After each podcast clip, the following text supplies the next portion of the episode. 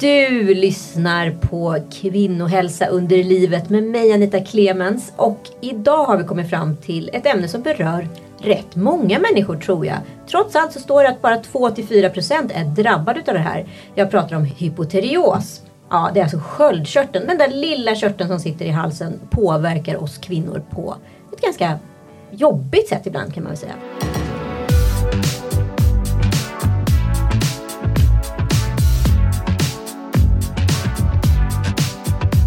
Veckans gäst är ingen mindre än superpoddaren och eh, superredaktören Tove Nordström. Jag älskar prefixet super. Super, super är alltid bra. Är super, är, bättre. super är super.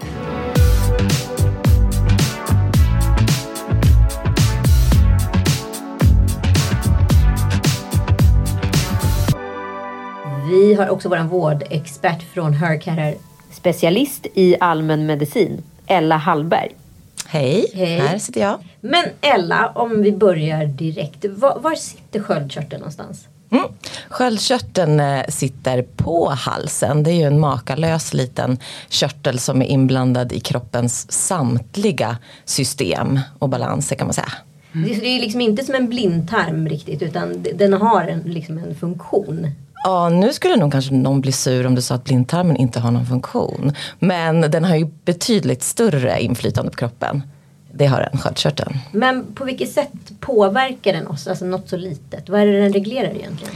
Sköldkörteln reglerar hela ämnesomsättningen så det betyder ju temperaturreglering i kroppen, hur vi bryter ner och tar åt oss av näringsämnen och gör om dem till energi.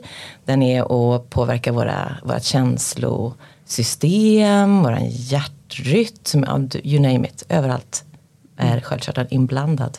Hur vet man att man har problem med sköldkörteln? Jag tycker det här låter... Oh you know!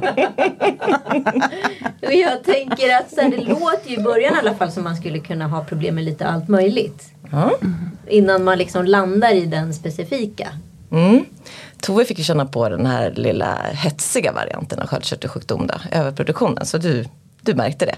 Men eh, det är klart att det kan vara väldigt diffust och, och lite sådär svårt att komma fram till. Jaha, är det här för att jag har stressat så mycket som jag är så trött? Eller är det för att jag har stressat så mycket som jag är så uppvarvad? Vad kan det bero på? Så det är ett detektivarbete att komma dit. Ja, det är verkligen inte det första på listan. Jag har också problem med den här. Men trots allt så är det alltså bara 2-4% som har problem med sköldkörteln. Enligt 1177s hemsida. Ehm, och då undrar jag, stämmer det? Eh, ja, det kan nog stämma. Eh, det är väldigt mycket prat om sköldkörteln och eh, ja, vi blir mer med, medvetna om hur viktig den är. Så att jag tror att kanske att det, man tror att det är ett ännu större problem än det är. Men 2-4 procent är ju rätt, alltså det är ju vanlig sjukdom. Så eh, på så sätt är det ju viktigt att prata om, absolut. Men jag undrar bara också så här, men varför är det bara kvinnor i princip som man har hört talas om som drabbas av det här? För män har väl också en sköldkörtel? Mm, män kan också drabbas av både under och överproduktion. Oftast handlar det ju om en så kallad autoimmun historia. Och autoimmunitet alltså när kroppens egna immunförsvar angriper kropps egna celler och tror oj det här verkar vara något knasigt, jag måste göra mig av med de här cellerna. När det i själva verket är celler som ska vara där. Och den eh, autoimmuna typen av sjukdom det är vanligare hos kvinnor generellt och det är väl ingen som riktigt har eh, kommit på exakt vad det beror på ännu. Och vad tror man då? Ja, ehm, östrogen, koppling, eh, mm, känsligare för stress generellt. Ja, som sagt, det höll lite i dunkel fortfarande. Ja, det kanske hänger mycket ihop med det här att vi fortfarande lever i någon form av manlig agenda. Vi pratade där i en annan podd att AV är perfekt egentligen utifrån ett, en mans dygnsrytm. För att då är testosteronnivåerna rätt höga under tiden vi, våra kvinnliga hormoner går ner. Så att så här, det, nu kanske det blev en liten minimetafor i alltihopa. Men att dygnet är väldigt baserat på mannens cykel på dygnet. Hur skulle det se ut i en perfekt utopi ifall eh, kvinnorna satte dygnet? Hur skulle vi jobba och verka då? Alltså jag skulle säga att då skulle vi sätta månadscykeln. Eh, cykeln. Alltså att vi skulle jobba mycket mer ut efter våra menscykel. Så det Halleluja! Jajamensan. Ja. Ja, vi kanske har det på gång här i framtiden. Vi får se.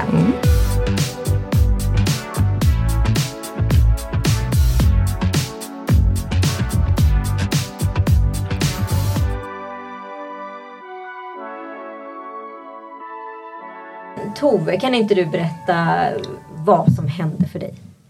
Och det gör jag så gärna. Ehm, det här blir en solskenshistoria, skoja. Uh, det är det ju aldrig när det gäller sköldkörteln. Men det här är, det, det är väldigt svårt. Jag tittar på dig nu Ella för att det här känns som att du, du vet allt om. Men det är väldigt svårt att veta exakt var och när det börjar. För att inte minst som kvinna vill jag tro så är det så länge man kan gå runt med konstiga symptom och liksom eh, tro att man kan tänka bort dem. Att man bara, man krigar på liksom. Ja, man, tycker, man vill inte känna sig klemig. Ja, man känner sig inte riktigt som sig själv. Man känner sig lite svajig i huvudet. Man känner sig plötsligt lite trögtänkt. Man kanske är ja, men, precis som du säger Ella, att man liksom har kroppstemperaturer som går upp och ner. Och, eh, ja, men, muskler som inte funkar som de brukade. En, en kroppsvolym liksom, som, som blir en annan. Det är så mycket som liksom smyger på som man eh, ja, men lite bortse ifrån. För att man är, är kvinna, höll jag på säga. Men ja, faktiskt. Eh, och bara inte orkar klema liksom. Utan att man bara, ja men nu är det som det är. Och, och, och livet ska levas och jobbet ska göras och barn ska tas hand om. Och, och så håller man på. Mm. Men du så gick att, upp åtta kilo på tre veckor. Ja, nej, men det var, nej, men precis. Men det här var ju en bit in. Alltså jag tror, um, alltså anledningen så här. När jag väl förstod att jag var sjuk, då var jag, eh, hade jag väldigt dåliga värden. Och det tror jag också, får jag för mig, eh, är ganska vanligt. Att det går långt innan man verkligen tar hjälp. Eh, så jag tror att så här, eh, det jag har förstått i alla fall eh, är ganska vanligt är att det, det, kan vara liksom någon form av stor förändring i livet som, som ofta utlöser de här problemen. Eh, och det kan vara så här, allt ifrån sorg, vad jag förstår, till liksom en stor hormonell förändring, graviditet eller en förlossning eller vad det nu kan vara. Eh, för mig så tror jag att det här började då i samband med min, min separation. Eh, när jag separerade från mitt ex då efter nästan tio år ihop. Och det var väldigt mycket stress i samband med det här. Både väl, för mycket jobb och separationen i sig och allt praktiskt som skulle göras och sånt. Eh, och kroppen började fungera väldigt konstigt. Jag fick så här, eh, panikångestattacker som jag bara tillskrev liksom separationen. Att så här, så här känns det att ha, men det måste ju vara för att jag, det är så mycket känslor nu. Um, men det var som att så här, jag hade, jag hade sån här puls som var helt, det gick inte att reglera liksom. Um, och sen så, sen så var det först egentligen när jag efter en sommar insåg att eh, nu är det, nu har jag hållit på med den här pulsen eh, som jag inte kan kontrollera och de här svettningarna jag inte kan kontrollera. Det känns som att jag brinner inombords liksom. Och sen kan jag helt plötsligt inte lyfta väskor eller matkassar ens utan att skaka. Eh, nej, men då trodde jag bara att nej, men nu då är det ju min kropp som säger att så, jag är för dålig form, jag lever för, jag lever för dåligt. Så jag, eh, jag gick till en PT och bokade in henne tre dagar i veckan och började träna mm. som tusan. Och kunde förstå vilken uppförsbacke det var att träna. Alltså enkla träningspass var liksom skitsvåra. Och så gick jag hos henne tre dagar i veckan under flera veckor. Och under, samtidigt under den här tiden så bara gick jag svin mycket upp i vikt på jättekort tid. Fast jag aldrig hade tränat så mycket någonsin. Eh, vilket egentligen inte överhuvudtaget stämmer överens med den diagnos jag hade. Då borde det vara tvärtom. För det var som att min kropp slog liksom bakut. Um, och då eh, fick jag till slut då eh, diagnosen eh, hypertyreos. Mm. Som är alltså överfunktion i sköldkörteln. Um, men det var ju som att då hade ju min kropp börjat alltså, visa så mycket konstiga symptom som inte Ja, men det, det kändes som det spretade åt alla håll. Eh, jag vet inte hur vanligt det är. Eller, men Jag tycker det är jättespännande att höra ja. din historia. För det är klart, skolboksexemplet är ju det här. Åh, den här rastlösa, mm. bleka, kallsvettiga, skakande lilla människan som är så svag i sina muskler och som har gått ner i vikt. Och mm. eh, hjärtat bara bultar i bröstet. Det är liksom överproduktionen, hypertyreosen. Medan den här tvärtom personligheten då sitter i soffhörnan med en påse chips och bara liksom svullar ut. Trött, trögtänkt, eh, varm, svettig, oskön på alla mm. sätt och vis. Mm. Men sen så i verkliga livet, som mm. för dig, så blir det liksom ja, men lite av varje. Att det var en tombola liksom? Eh, ja, det är, hade ju hela det här. Man känner sin hjärtklappning, behöver inte ens vara så snabb. Men plötsligt så känner man på natten så här, oj vilket håll igång det är i bröstet. Ja.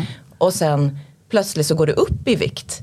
Och det är klart att det är ju sån otroligt snabb ämnesomsättning som pågår nu när sköldkörteln skenar som den gjorde för dig. Och drar och bränner ljuset i båda ändarna, gör slut på all energi.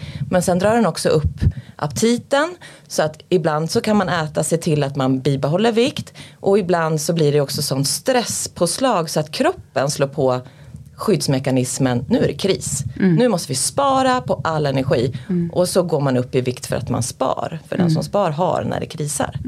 Så det måste ju ha varit en liten sån blandning för dig där. Ja precis, för det blev ju sån jädra eh, skillnad på så kort tid. Och då som sagt, medan jag liksom, det var inte muskelmassa jag gick upp tyvärr, utan det var liksom, det, det var färdig färd.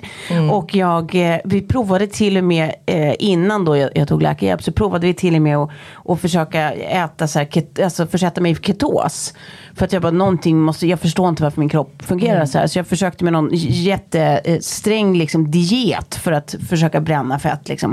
Och jag, jag tänker att det måste ju vara jättedumt. Alltså urifrån, utifrån ett Ja. perspektiv. Och det är många kvinnor som gör det här. De Ja. får panik, man går upp i, för fort. Ja. För snabbt i vikt, Ja. man förstår ingenting. Jag kommer själv ihåg, jag har själv samma problematik. Eh, men jag har en underproduktion och inte en överproduktion. Att jag så här sprang till PTn och liksom körde på i 180. Körde någon 16 timmars fasta och alltihopa. Och det blir bara värre och värre och värre. Ja. Mm, mm. Man måste ha en bra grundfysik om man ska köra sådana Mm.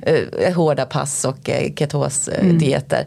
Och när, Ja, plus obs, det funkade inte. Jag körde i en månad, nej en och en halv månad. Och jag tror att det rörde på sig så här 0,4 kilo. Ja, för att nu var ju systemet, eh, jag nu håller jag på med armen här igen för att jag vill gilla liksom när, när armbågen går ner och visar att eh, handen går upp i någon slags stresstopp där våra snabba signalsubstanser, hormoner, dopamin, adrenalin, noradrenalin är på full fart. För det är det som händer då när vi går upp i stress.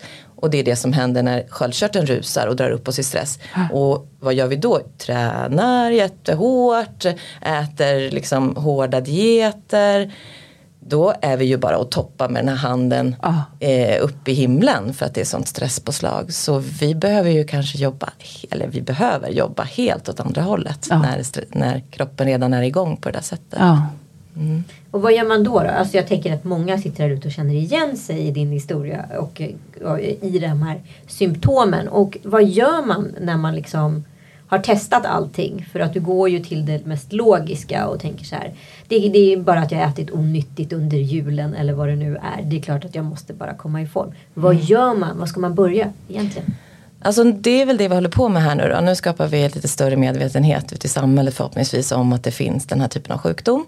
Och eh, har man då en kombination av hjärtklappning, svettningar, viktnedgång, viktuppgång, eh, sömnsvårigheter. Ja men vänta inte så länge. Gå och kolla, det är inget svårt. Det är ett blodprov bort bara. Just det. Kanske under tiden om jag får lägga till och då får du verifiera om jag säger något dumt nu Ella. Men jag tänker att under tiden göra precis tvärtom mot vad instinkten är. Alltså inte när man redan är stressad göra det där att anställa en PT och gå på hårda dieter utan så här. Det är kanske exakt då man ska bara så här. Alltså röra på sig är väl jättebra men ta så här långsamma promenader utan stimuli. Gå inte och lyssna på grejer utan bara så här långsamma promenader typ i skogen där det är tyst. Och typ så här kanske någon jättemjuk yoga där man inte liksom som inte är hård. Utan mer så här avslappningsgrejer. Var jättestrikt med att så här, gå och lägg dig en viss tid. Så att du liksom har en viss tid i sängen innan du måste upp igen. Allt det där, jag tror att är det inte Ja. så att det man ska vara liksom extra sträng med om något. Jättefina råd. Så många av oss också som går in i utmattning av olika stressskäl. Exakt. Oavsett om det är sköldkörteln som gör sista knuffen eller om det är Ah. livet och prestationen i övrigt. Just det. Så absolut, de flesta av oss behöver gå ut i skogen Ja. och sitta ner och inte multitaska, Nej. diska, städa, laga mat med podd i öronen. Mm. Sitta på toaletten och torka bänken samtidigt som man borstar tänderna. Mm. Nej, vi behöver ju bli mindre effektiva generellt.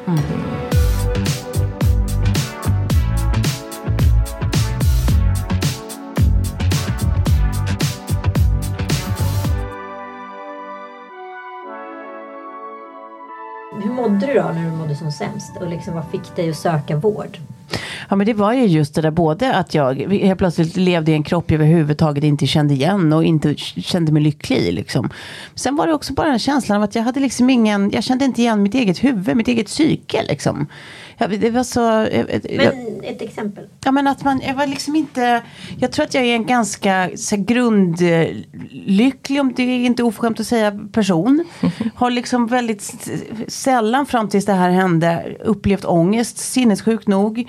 Ehm, ja, men har ganska lätt till att tänka liksom i positiva banor och se lyckan i, i, i alltså jag har obs, tusen feligheter men det här brukar liksom inte vara en av dem.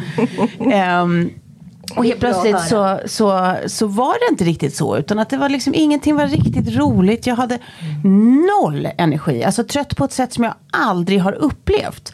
Sen återigen, jag, jag krigade ju för att inte, jag gav, jag gav ju aldrig in, gave into it liksom. Utan jag bara krigar mot det. Så, så här känner inte jag. Så här känner inte jag. Jag kommer, leva, jag kommer leva som om jag inte kände så här. Vilket bara gjorde saken värre. Men det är just det där att man bara känner inte igen sitt eget psyke eller sin kropp. Um, har inte samma så här, lyckoutväxling liksom. Och man, man, ehm, ja, men just det var så vansinnigt trött hela tiden. På ett otroligt obehagligt sätt. Liksom. Och att man kände, eller jag kände i alla fall, att jag hade inte tillgång till min hjärna. På samma sätt jag brukar. Att jag var trögtänkt. Det var som att jag laggade liksom. Ja, det kommer jag också ihåg att jag gick, jag gick Djurgårdsvarv var jag så här hade så långt till eh, tankar eller skämt eller sånt som alltid ligger mig nära Mm. till hands. Det var som att jag att den inte var med, att den jobbade inte med mig, den jobbade mot mig på något konstigt sätt. Mm. Och det brukar kallas hjärndimma. Vad, vad, vad är det då? Eh, I sköldkörtelfallet så är det ju det att vi eh, behöver ha en balans i de här hormonerna från sköldkörteln som vi då kallar för T3 och T4. Och de här siffrorna står ju för hur många jodmolekyler som är kopplade. Och de, den här T3 är ju den aktiva komponenten och den är ju uppe där i hjärnan och ser till att vi har tillgång till vårt korttidsminne och långtidsminne. Att vi kan känna liksom glädje och lugn, harmoni och de här bitarna. Så att eh, får vi för lite eller för mycket T3 då blir det knas med tankeförmågan. Antingen rusar det för fort och vi får inte grepp och till slut blir vi så trötta så vi blir hjärndimma. Eller så får vi inte tillräckligt så att vi inte kan bibehålla aktiviteten mellan nervcellerna och så känner vi oss trögtänkta och lite dumma i huvudet helt enkelt. Mm. Verkligen. Inte en angenäm känsla. Nej. Ja, och nu var ju du inne på det lite med Jonna, men vad är ett TSH-värde som man då går och får när man får ett blodprov? Mm. Jag bara sneglar lite för det finns en vit tavla här idag. Jag skulle bara vilja rita upp för er för det är så mycket enklare. Men eh, spännande grejer här nu. Uppe i hjärnan sitter en liten körtel som heter hypofysen. Hypofysen är våran dirigent. Alla hormonkörtel, alltså både äggstockar, binjurar, sköldkörtel styrs av den här dirigenten. Hejaklacksledaren brukar jag kalla den också. Den hejar på sköldkörteln med TSH. Tyroidea, sköldkörtel på latin och engelska. Stimulerande hormon. Kom igen, kom igen sköldkörteln. Ja. Sköldkörteln svarar upp. Okej, här behöver det kopplas ihop hormoner. Jag kopplar ihop T3, T4 med hjälp av ett litet enzym. Det är ju en sån här hopkopplare som heter TPO och det är lite intressant, kommer vi till sen. Men de här enzymerna svävar ju då ut i blodbanan, ska hitta till alla celler som har små nyckelhål för just den här molekylen och ta emot och dra igång ämnesomsättning. Och genom att de drar runt i blodet så kommer de också sakta komma förbi dirigenten, hypofysen igen. Och bara okej, nu är vi här i blodet, ta det lugnt, du behöver inte skrika, vi finns här. Trycker på stoppknappen lite grann. Så för att det ska kunna bli balans så ska TSH heja på och hormonerna T3 T4 ska återkoppla att nu finns vi så att det räcker. Och så ska de göra sin verkan i alla de här cellerna som, som plockar upp sköldkörtelhormoner. Och vad händer då när det, när det är knas? Ja, det som ofta är då med det här autoimmuna och antikropparna det är ju då att i Graves, alltså överproduktion, tyrotoxikos, då har man antikroppar som kallas för TRAC. Pr- Ja men då är det det, precis. För att jag hade ett trackvärde som var uppåt 40 ungefär. Ja, all right. Så om du då har TRAC, då är TRAC där och liksom låtsas vara TSH. Så om ni minns TSH var det här, hej kom igen, kom igen hormonet.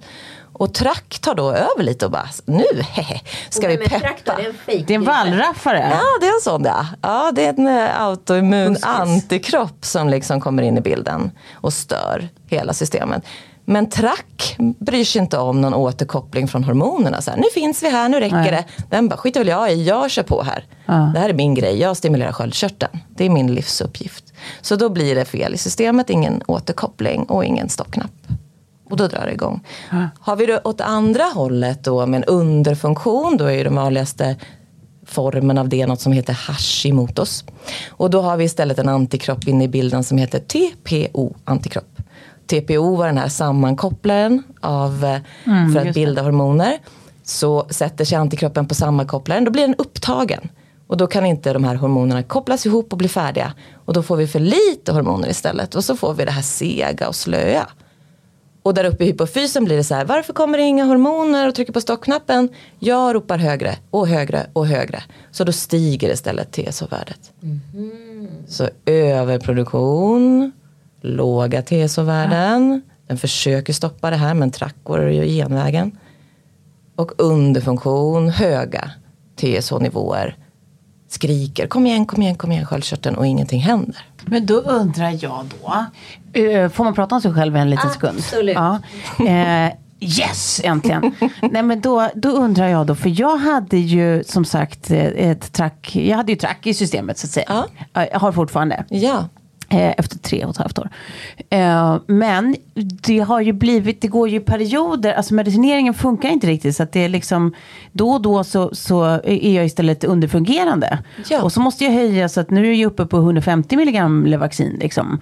Eh, men, måste äta Tacapsol också eh, för att hålla det i skick. Hur, kan det vara så alltså att man har båda problematiker liksom samt, alltså att jag kan ha en underfunktion i kroppen samtidigt som jag ändå har track? Så... Ja, för nu har du ju en medicin som trycker undan track. Ja. Och som he- eller egentligen inte trycker undan track utan som hämmar sköldkörtelproduktionen. Ja. Så då blir det ju så att det måste man, då måste man försöka hitta balansen. Okej, hur mycket hejas det på här? Hur mycket ska jag bromsa med medicin? Och det är svårt. Ja. Och då blir det lätt så att oj, vi bromsade lite för mycket här. Just. Eh, ups, nu blev det för lite sköldkörtelhormon. Och därför så får du sköldkörtelhormon i tablettform då. Ja, Levaxin. precis. Syntetiskt. Så T4 får du i syntetisk form. För att försöka upprätthålla. Så det är, det är en jättesvår period som du är i nu. Eftersom normalt sett ska ju sköldkörteln hela tiden känna av så här. Åh, vad behövs nu i det här systemet? Hon är lite stressad eller hon är, lite för slö här. Hur ska vi hålla igång henne? Eh, eller lugna henne. Men nu har du inte riktigt den egna då följsamheten eftersom du har Nej. tabletter åt olika håll.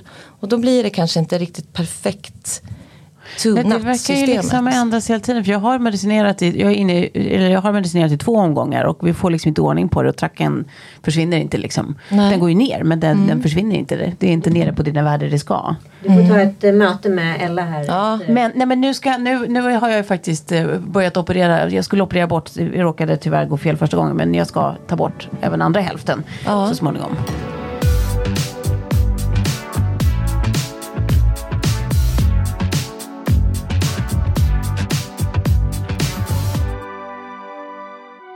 Tove, du har ju opererat din sköldkörtel. Kan du berätta hur man kom fram till det? Ja, nej, men det kom man ju fram till för att vi försökte. Eh, när jag pratade med min endokrinolog så sa ju han att eh, eh, alltså, det absolut bästa för kroppen är ju förstås om man lyckas medicinskt reglera det här och man inte behöver liksom, hålla på med invasiv liksom, kirurgi och ta bort organ och sånt. Eh, så att vi försökte ju medicinera då som sagt i två omgångar över tre års tid. Men fick liksom inte ordning på det och då så sa han att nej men vet du vad jag tycker att jag förstår att det här är liksom för, för jobbigt att leva med och bara försöka pågå eh, trots eh, under så lång tid. Så att även om du inte mm, egentligen kanske uppfyller kraven på vem man helst opererar. Så tycker jag att det handlar om en livskvalitet. Eh, så att jag, jag rekommenderar att, att vi, ja, men vi eh, remitterar dig vidare och eh, eh kirurgiskt tar bort din sköldkörtel. Eh, och då fick jag också godkänt av, av Karolinska där jag opererades. Att ja, så gör vi. Sen råkade det, det är ju jättes liksom, klurigt, eller egentligen är det ju ett enkelt ingrepp beroende på vad man kallar enkelt. Men, men den sitter ju väldigt nära nerver vid, vid stämbanden. Liksom, så att, eh, de, man råkade komma åt en nerv just i mitt fall. Eh, vilket gjorde att de fick avbryta operationen. Så nu är bara halva borta. Men vi, nu har den läkt och nu ska vi ta bort andra halvan. Så att, eh, snart, snart ska det vara över. Mm, det var ju tur att den läkte. Jag tänker att rösten är ju ett Alltså, av dina jag lät, viktigaste jag lät som Marge. Simpsons systrar Ja. i två månader. Just det. Mm. Som en riktig sådär äh, siktant. Bra poddmaterial. Ja. Men okej, men om man nu, varför kommer man fram till det här då Ella? Ja, det är ju just för att eh, i vissa fall så är det svårt att hantera det. Um, om man rusar och man rusar och man försöker sätta ut medicinen eh, och man kan inte riktigt veta hur man ska lägga till vaccin. Så ja, då kan man komma fram till det. Mm, det som vi jobbar lite med då på Hörkar, vi tar ju absolut inte över en behandlingsstrategi för en hypertyreos. För en hypertyreos kan ju vara lite farligt för systemet om den får hålla på och härja. Dels är det inte vidare för hjärtat om det är full fart hela tiden. Och sen så har man en del besvärliga ögonsjukdomar som är kopplade till den. Så av det skälet ska man liksom inte hålla på och vänta med en sån. Och, men man vill ju gärna lägga till det som ett litet plus när man jobbar med den här typen av sjukdom. Ehm, just att försöka lugna systemet. Hur gör vi det i övrigt? Vad har vi för en livsstil? Hur ser planeringen ut? Finns det krockkuddar mellan våra möten?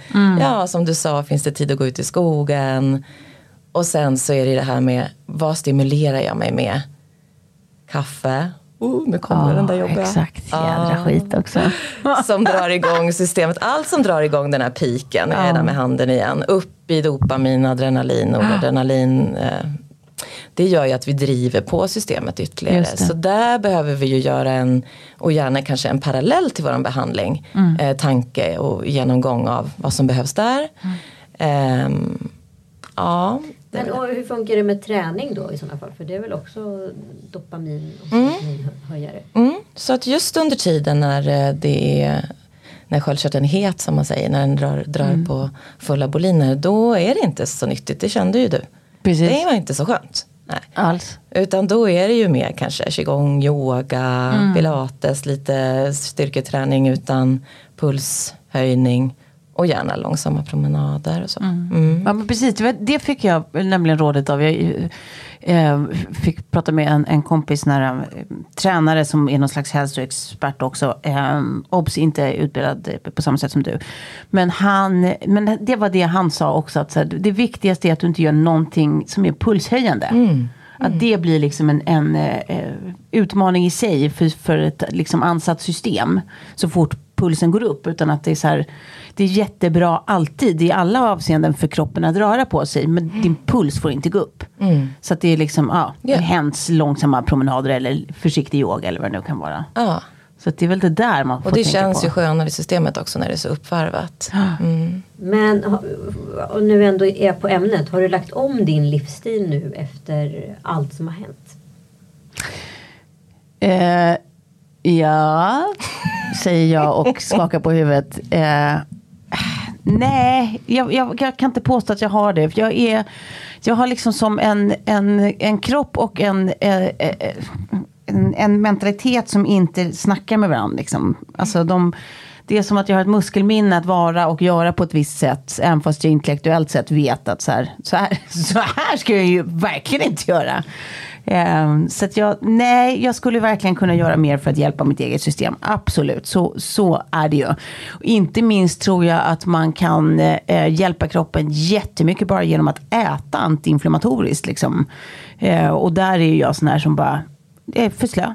Orkar liksom inte hålla på och tänka på det. Men, men vet, vad vet du om det eller? Alltså, är det Alltså, kontroversiellt att säga eller? Eh, det blir ju mer och mer mer och mer ändå vedertaget, mer och mer forskat på.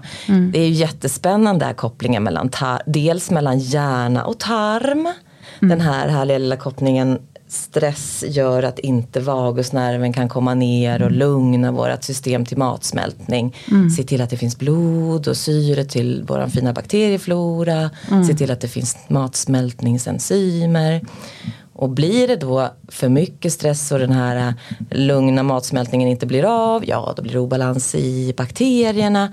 Ja, varför är det intressant då för sköldkörteln? Ja, jo för då blir det inte lika tajt mellan ehm, tarmcellerna i tarmcellens tunna lilla vägg och då kan vi få det här med ökad genomsläpplighet av ja, näringsämnen från tarmen. Mm. Alltså lite för stora molekyler på fel sida om tarmväggen. Mm. Det kallas för eh, eh, leaky gut eller eh, ja, okay. tarmläckage. Låter lite så här väl dramatiskt på svenska men eh, det handlar om genomsläpplighet. Det ska ju finnas ett läckage för vi ska ju få näringsämnen. Men om mm. det blir lite för slappt där mm. eh, så kan det komma genom större molekyler och det kan ju trigga liksom inflammation och vara med och trigga en autoimmunitet. Även om autoimmuniteten ofta kräver också lite mer dramatik som för dig där. Känslosvall, skilsmässa, mm. förlossning, eh, kris av olika slag. Mm. Plus att det oftast ju finns en ärftlighet med i bilden. Just det. En ärftlighet för autoimmunitet. Så den här lilla kombon gör ju att det blir svårt nu att bara tänka så okej okay, jag medicinerar och så är jag klar. Mm. Utan nu vet vi så mycket så nu vet vi att vi måste också kliva in i pusselbiten stress och vi måste också kliva ja. in i pusselbiten mage och mm. inflammation.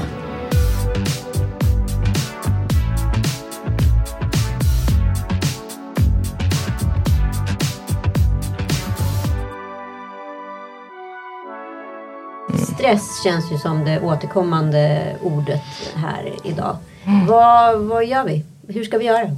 Vi måste ju eh, fundera lite på hur ser våra dygn ut? Vad får plats på 24 timmar? Och då kommer vi tillbaka till det jag började med att fråga. Om vi skulle måla om dygnet baserat på kvinnlig hälsa och för att det skulle bli bättre. Hur skulle ett kvinnodygn se ut? Mm. Jag gillar att prata om randiga dagar. Eh, det gör jag mest med kvinnor som kommer till mig med utmattning för då är det liksom inget annat man att välja på. Nej. Men jag tror att randiga dagar skulle vara fint för oss allihopa. Och, Vad är det? Ja, det är någonting som jag själv har lärt mig på en utmattningsrehab. Och det är så toppenbra för då är det liksom aktivitet, vila, aktivitet, vila. Och då tänker vi inte så här vila, vi slänger oss på soffan framför Netflix. Utan okej, okay, om vi har en aktivitet då behöver vi tänka, var det en, en, aktivitet för min hjärna nu? Har jag hållit på här framför datorn nu i en och en halv, två timmar? Mm. Då behöver jag en liten paus för att hämta tillbaka nervsystemet. Ja. Okej, okay, vi är här, här i kroppen. Den här kopplingen som du säger, lite så här, åh det här är min vilja och det här är vad min kropp vill och mm. min mentala vilja vill något annat. Så att för att kunna hitta den lite grann så, ja men då rekommenderar ju vi då att man ska jobba med små, korta, koncisa pauser Um, hellre att man får till det än att man får till liksom en mindfulness session eller en yoga i veckan. Mm. För nervsystemet orkar inte vänta på det. Nej, nej. Oj, jag är stressad nu, på torsdag ska jag på yoga. Ah. Utan den vill liksom ha någonting nu. Så då handlar det om sådana här korta pauser. Det kanske är fem andetag. Det kanske är vända sig från datorn, bara stirra ut i ingenstanset. Kasta blicken långt, kasta blicken kort. Ah. Sen mellan jobbet och jag ska hämta på förskolan kanske eller jag ska göra något annat krävande på kvällen. Var kan jag hitta en liten paus? Är det i bilen där jag känner mina sittknölar och mina fotsulor mot golvet? Eller är det så att jag behöver kliva ut ur bilen och gå en fem minuter runt kvarteret eller för, kanske till och med ut i skogen innan jag kommer och ska öppna armarna och ta emot mitt barn som har massa behov. Mm. Så vi skapar de där små pauserna, krockkuddarna kan man kalla dem eller de randiga dagarna. Um, ja. Ja, jag kan ju prata länge om ja, det men här. Det men... låter, jag tycker det låter jätteklokt för jag har ju också eh, med folk i min närhet som har lärt sig the hard way ska sägas att detta ju behövs. Mm. Men som också har, har, har lärt sig liksom någon slags meditativ eh, kort paus som just kan vara sån där i bilen. Att man så här, du ska ta dig från A till B och så när du har stängt av motorn när du är framme så tar du tre minuter när du gör som liksom typ en liten kroppsscanning eller någonting liksom. Alltså lite så som det Precis, lät när du pratade om att så här, nu är mina fotsulor mot golvet. Och, det här känns i mina knän. Och så här känns det på, i rumpan när jag sitter på det här sättet. Mm. Men det är bara så att tre minuter, det behöver liksom inte vara så här nu måste jag ligga i ett tyst mörkt rum och eh, ha en god timme till det. För, för en väldigt stressad person som redan liksom lever i ett livsstilsmönster så tänker jag att det kan vara väldigt svårt att bryta. Så de här tipsen som ni båda mm. säger är ju superbra. För att det, för mig att gå på ett yogapass när jag redan ligger mm. högt ja, upp i taket. Liksom, det, det, det går blir, inte. Nej, det blir ingen avkoppling. Det är bara så här, varför är yogapasset så långt? När är det slut? När får jag gå härifrån? Mm. Och då blir det ju inte det härligt. Utan så här, man måste ju försöka hitta de här jag har i alla fall lärt mig the hard way att lyssna mer och mer på min kropp och just mm. ta de här små pauserna. Sen ska jag inte säga att jag är fantastiskt bra på det än. Men jag kan åtminstone lyssna på min kropp på ett annat sätt. Så det är väl liksom eh, den lilla, lilla liksom f- fördelen med allt som har hänt för mig i alla fall. Men hur mår du nu Tove? Jo men jag, jag, är, alltså, jag känner ju, nu är jag så van vid liksom ett tillstånd när min kropp är en, en knaspella liksom. Alltså när, när in, inte allting lirar och det, man känner sig liksom hormonellt eh, i obalans och sånt.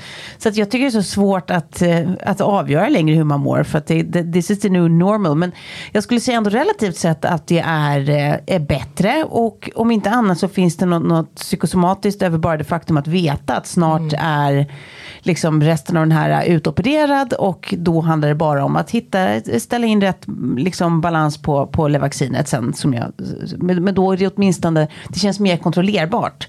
Och bara det att, att känna att man har liksom, man ser ljuset gör ju att man liksom känner sig lite lättare och det gör inte så mycket att jag ibland är lite hjärndimmig eller har förhöjd puls eller svettas lite eller det, det, det- jag, jag vet ändå, jag vet vad det är ett, bara det är ju en lugnande liksom, grej att man, att man eh, har någon slags insikt.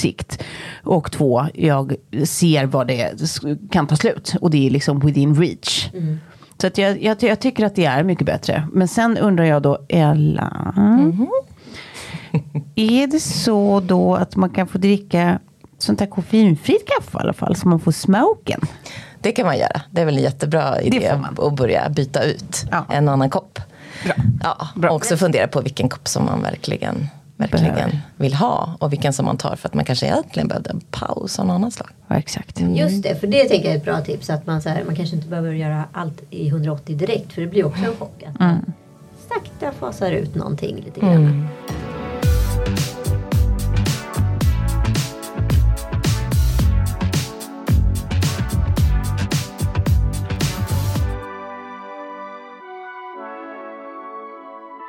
Nu, jag kom på en grej också Ella. Eh, nu när du ändå är gisslantagen i denna lilla eh, studio. ja. Eh, så jag har expertisen på armlängds avstånd. Jag, jag undrar då, hela den här Alltså, det känns som att svensk sjukvård överlag handlar så mycket om att, att man liksom gör punktinsatser. Att man tittar på eh, ett, ett symptom i princip, nu, nu, det är liksom generalisering, men eh, i taget. Men att med sköldkörtel, liksom med väldigt många andra eh, kan man kalla kvinnosjukdomar.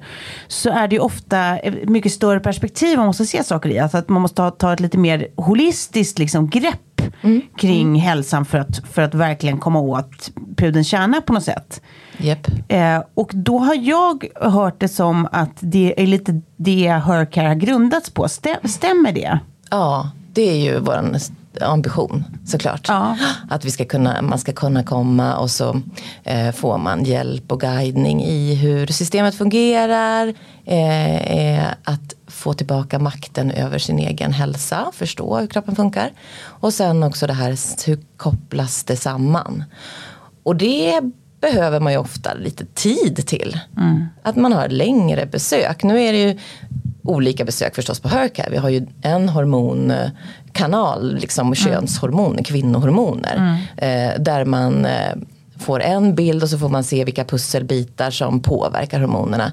Eh, och sen så finns det ju läkarbesök som där vi verkligen jobb, försöker jobba med så här, hur är sköldkörtelproblemet i relation till resten av din kropp? Och hur mycket av det är eh, sköldkörtel, hur mycket av det är stress, hur mycket av det är eh, depression, ångest, eh, dåliga matvanor, ja, Just det. hela den här biten då. Ja precis. För Mia Lundin som grundar Hercare hon eh, kommer ju från USA.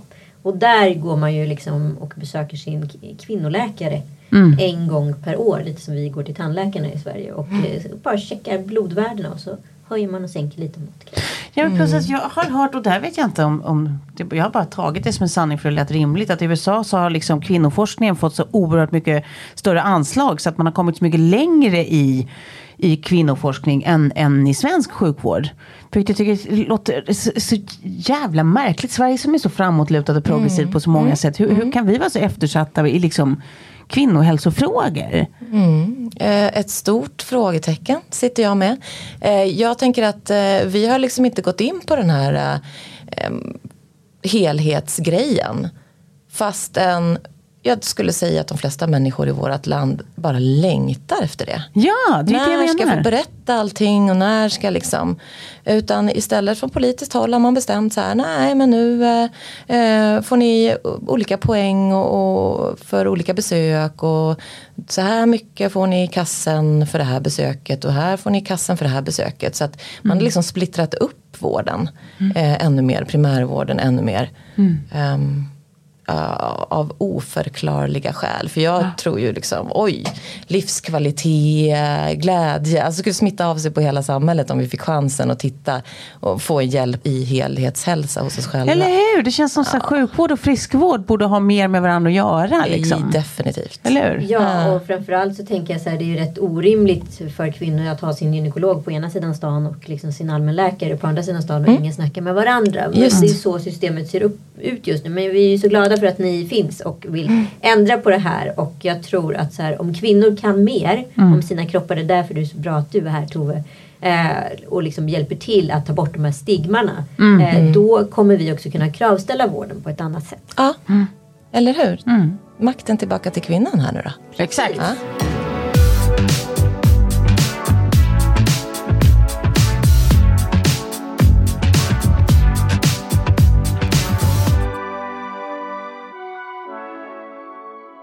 Vi har fått lite lyssnarfrågor eh, som jag tänkte passa på att ställa när vi ändå sitter här i det här härliga rummet. Eh, jag lider av en underfunktion i sköldkörteln och upplever att jag inte blir hjälpt av Levaxin. Finns det något annat man kan göra? Så nu när vi går då från överfunktion som vi har pratat med Tove om här så går vi till underfunktionen som mer passar för dig Danny. Ja. Eh, och då är ju det vanliga Levaxin och det är det som du har fått nu när du hamnar lågt i hormoner och TSH stiger. Det där har vi lärt oss nu va? Låga hormoner för sköldkörteln, höga TSH. Eh, och Levaxin är ju T4 och det funkar ju för de allra allra flesta. T4 slussas in i cellen, i cellen plockas bort en jod, förvandlas över till T3 och T3 passar i nyckelhålet på eh, energifabriken och sådär. Eh, men för en del så är eller vaccin inte tillräckligt. Och då får man ju fundera på är det dosfråga eller eh, är det andra faktorer här? Ja, ni hörde ju det här detektivsnacket. Finns det kanske en utmattning istället eller ett trötthetssyndrom? Är det någonting annat som vi har missat? Liksom? Men om det inte är det, då kan man fundera på, ha, behöver jag något tillägg till min behandling? Och då behöver man ju eh, få guidning i det förstås av en läkare. Eh, där man då tittar på T3 nivåer i förhållande till T4 nivåer till exempel. Och så kan man lägga till något som heter liotyronin som Ja, T3. Just det. Ja. Ja. Och så kanske man får lite mer energi tillbaka och lite mindre svullnad och trötthet som hör ihop med det här med underfunktionen. Då. Eh, så det finns flera steg faktiskt. Det finns ju också eh, biologiska sköldkörtelhormoner som kan skrivas på licens. Och eh, om dessas eh, funktion och tillförlitlighet tvistar de lärde. Men eh, det är ändå så att jag har sett en del mirakulösa tillfrisknande med hjälp av eh, NDT som det kallas då, biologiska sköldkörtelhormoner från gris eller Ja, det är precis det jag skulle fråga. För Ja. det har jag hört om. De här från gris. Som vissa, det känns som vissa måste skaffa så här. Jag har en kran i Norge som typ så här skickar den här grishormonet. Eh, Men får jag sticka emellan med en fråga? För det var så himla länge sedan vi pratade om mig. Självklart. Ja, vad bra. Apropå det där Liotyrosin Reserve. Ehm, eh, som du pratade om nu. Och som du eh, äter då. Jag brukar säga Lio. Och Lio. vet i alla fall. Men Ja, det tycker jag- medicin vad jag pratar om. Föredömligt så man slipper så här, hosta sig igenom resten. Eh, jo, min fråga är då, om man då upplever som sagt att ens ämnesomsättning är shot to shit, den funkar inte alls. Eh, oavsett diagnos. Och nu har ju jag som sagt en överfunktion, men när min sköldkörtel är borta och jag då äter Levaxin bara, kan jag då testa sån LIO igen för att kicka igång systemet? Eller är min grunddiagnos, kommer den fortsätta att vara ett problem? Eh, Det blir en fråga eh, att ta ställning till när man ser hur dina provsvar ligger och hur du mår efter operationen. Men det man får vara medveten om efter en Graves då, eller en överproduktion av sköldkörtel, det är ju att det finns en viss baksmälleperiod alltså. Mm. När man har drivit systemet på höga varv så kommer det ta ett tag att liksom komma åter. Så man behöver inte vara så himla snabb på Nej. att tänka så här, jag har fel medicin, jag måste göra något, jag måste göra något. Utan man får lite, ta det lugnt, se att återhämtningen sakta eh, kommer tillbaka. Så att nervsystemet får lugna ner sig efter all det här toppandet. Eh, för Leo är ju, kan ju vara lite svårt. Det kan ju stressa kroppen lite om man får för mycket av det. Och har man redan ett nervsystem som bara, oh jag är helt slut, här har vi kört så himla hårt. Då behöver man ju få en återhämtningsperiod innan. Ja. Så det skulle jag säga som ett liksom, råd. Ja. Sen är det Leo, ett jätteeffektivt antidepressivum för alla första två veckorna. Så det är supertoppen. Liksom. I was high on life. Ja. så att eh, man får också försöka, det gäller att hitta diff-diagnostiskt där. Är det här verkligen en T3-brist eller inte? För Just annars det. riskerar man återigen att stressa systemet. Ja. Okej, enough about me.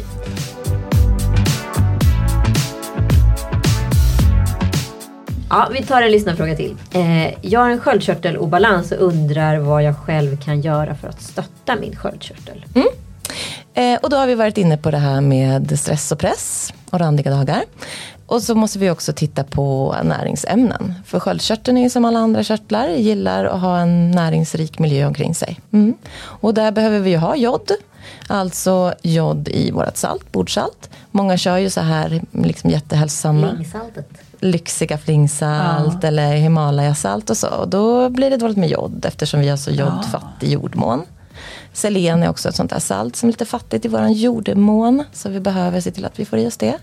Eh, att vi ligger bra i B-vitaminer och magnesium bland annat. Det finns en, en mängd andra eh, näringsämnen som vi ska ha bra status i förstås. Mm, sköldkörteln gillar ju också rytm dygnsrytm. Sova på samma tid, vakna, få, få solljus. Ja, men allt det här som gör våra andra hormonkörtlar lyckliga, det gillar ju också sköldkörteln. Mm. Ja, men det måste jag ändå säga att eh, sen liksom Leo i kombination med Levaxin kom in i mitt liv så har min eh, sömn varit exemplarisk. Jag har haft, varit väldigt svårt att komma ner i varv innan. Fint. Känner du igen det? Ja, ja, gud ja.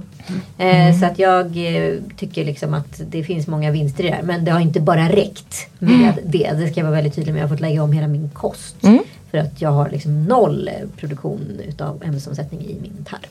Just det. Så Mm. det, det, det är ett stort kapitel och det har tagit många år att liksom komma fram till de här grejerna. Och jag tycker det är viktigt att vi pratar om det här för det här är ju någonting som händer då mellan 30 och 40. Vi kvinnor är högpresterande, vi, vi är duktiga flickor. Vi ska också passa på att bli mödrar och eh, härliga fruar samtidigt. Sen blir det någon form av krasch för många.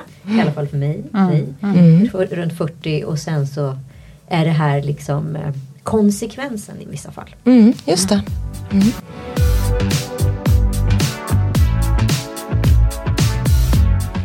Jag tackar dig så mycket för att du kom Tove och pratade om det här. Jag tror att det kommer göra skillnad för väldigt många. Och tack Ella Ja, för att du tack. kom hit med din fantastiska kunskap och liksom tydlighet inom ämnet. det tack. tror jag också många gånger fattas. Mm. När man går till sin allmänläkare och inte riktigt förstår vad all den här, alla de här jonerna och kemin är för någonting. Hur ska jag översätta det här på mig och vad betyder det? Just. Så tack för att ni lyssnar på podden. Glöm inte att prenumerera, det gör ni i er poddspelare. Eh, och vill man besöka Hercare kan man faktiskt göra över hela landet. Kanske man inte kan tro, man bokar in ett videomöte och sen gör man då alltså ett blodprov lokalt och det skickas till Hercare. Mm. Tar man ett videomöte med läkare. Det är väl allt utom gynekologi man kan göra, utom socknes. Ja, precis. Ja. Ja. gynekologi är ju svårt på distans. Precis. Ja. Men... eh, Tills metaverse kommer. Eh, tack för att ni har lyssnat och tack Tove och Ella igen. Tack, tack. Makten till kvinnan. Vi hörs om en vecka.